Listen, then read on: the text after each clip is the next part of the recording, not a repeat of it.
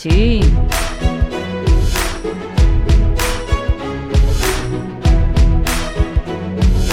Isabel Ferrer, bona vesprada. Bona vesprada. Ai, de música, vinga, que ens encanta. A veure, què ens has portat avui? Què ens, què ens has preparat? Mira, doncs avui seguirem fent companyia a l'audiència bueno, en una quantitat de propostes que ja hem escoltat a Nelo, d'òpera, mm -hmm. de, de sí. Molt diferents, i a mi m'agradaria continuar un poc explicant com estem visquent del coronavirus, però per a desconnectar un poquet també he buscat una obra de la que parlarem avui que té un punt com irreverent. És sense perdre el fil del ah. que passarà mateix, i a més mm. és una obra molt, molt coneguda que jo crec que segur que la reconeixereu. Es tracta de l'obertura, bueno, de tota l'opereta, l'obertura és només una part, de Càndid de Leonard Bernstein.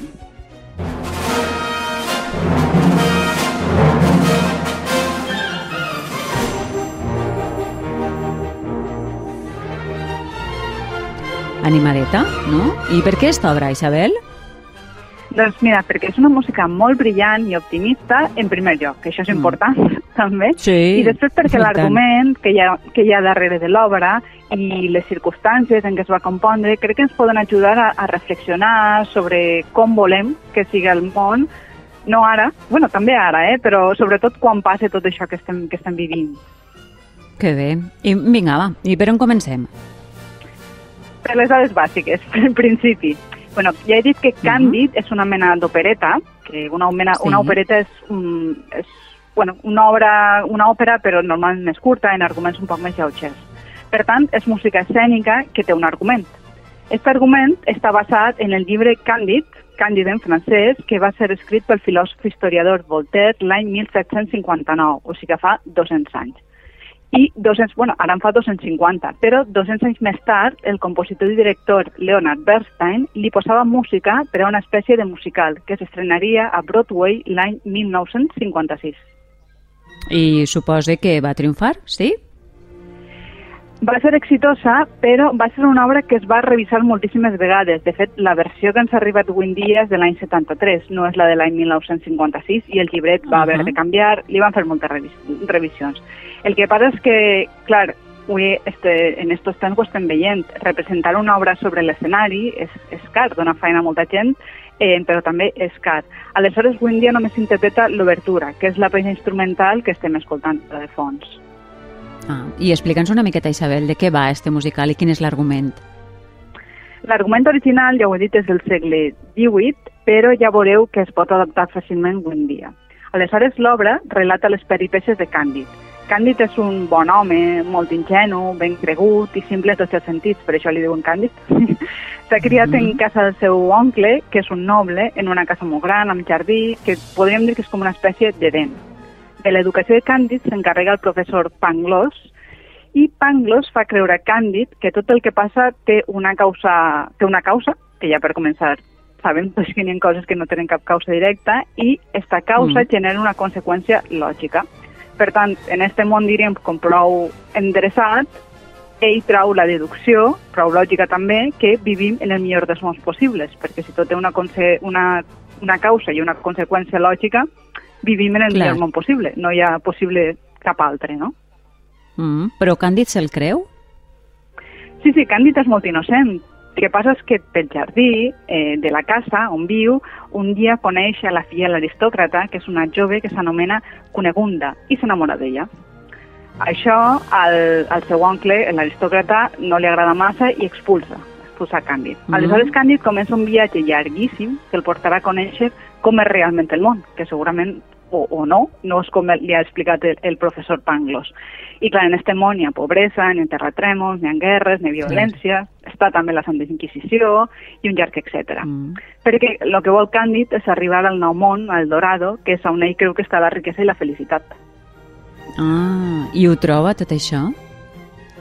troba el dorado, però no la riquesa i la felicitat. Vaja. Així que al final, sí, al final es conforma en treballar i estar bé i poc més. Mm.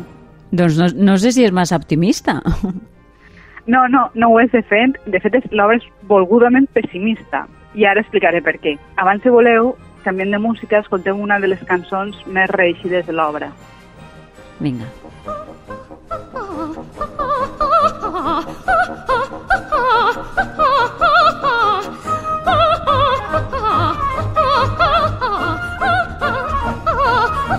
Què és això?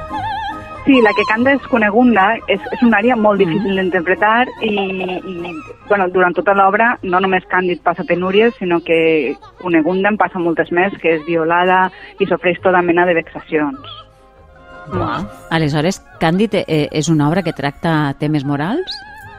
Sí, és, en realitat és una obra filosòfica crítica. El professor Pangloss representa com un filòsof famós de l'època, que li diuen Gottfried Leibniz, que opinava mm -hmm. que el món era com una entitat que funcionava de forma matemàtica i que Déu i que com Déu era un món perfecte, que vivíem en el millor dels mons possibles. Aleshores, en aquesta manera justificava que les desgràcies que passaven en el món i també els poderosos del moment, mm, amb aquest argument. Aleshores, clar, eh, Càndid critica aquesta creença, no?, que diu que vivim en el millor dels mons possibles.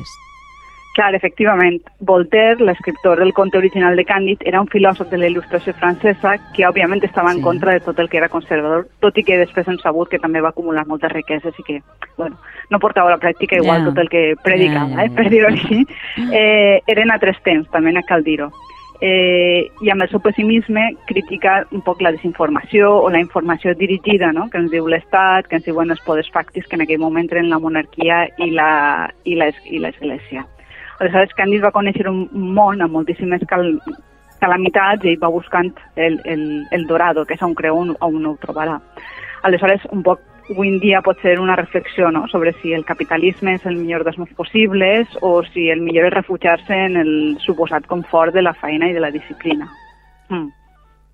Then down a primrose mountain, across a sea shall see, to a of happy people, just and kind and bold and això que sentim és, és la balada sí. del Dorado, és quan, quan ell un poc arriba allí a, a, i, i està vis, visquent, convivint amb les persones allà. Uh -huh.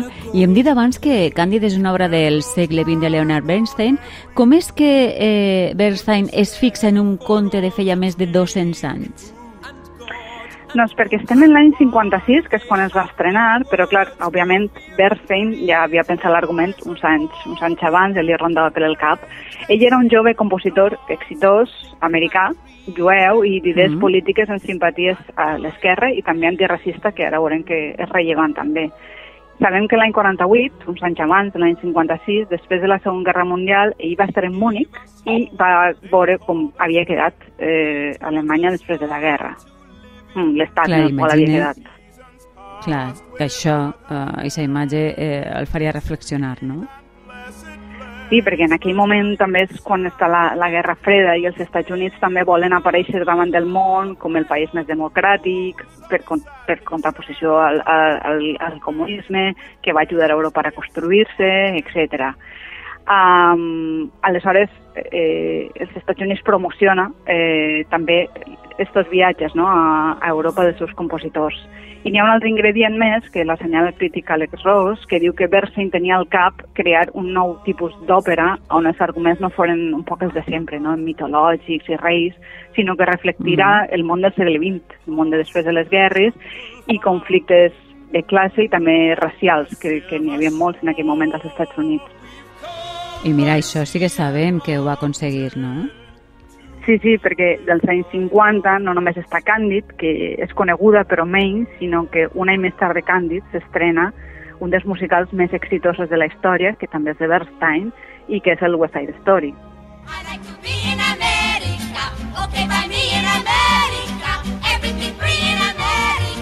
America, for a smoky in America. Clar, està molt coneguda.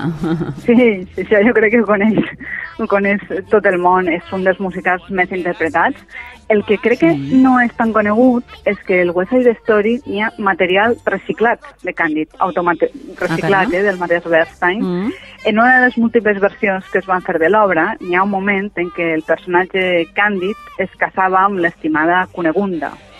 Finalment mm. es va abandonar aquesta idea per al musical, però la música del casament, Bernstein sí que se la va guardar i és la que fa servir en la idealització de boda que tenen en West Side Story Toni, Toni i Maria, que són els protagonistes. Si la voleu ara quan la posem, ah. la reconeixereu fàcilment. Doncs vinga, José.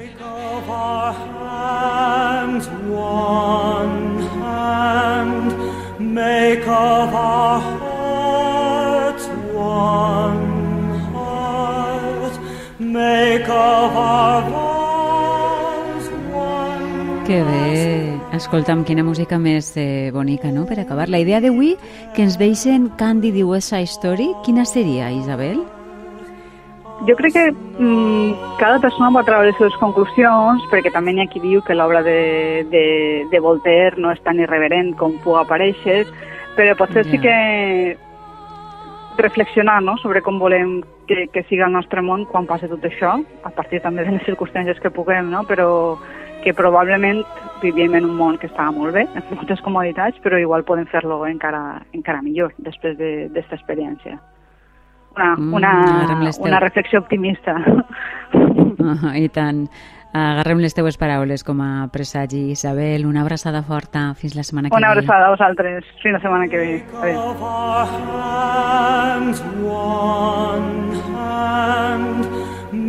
of our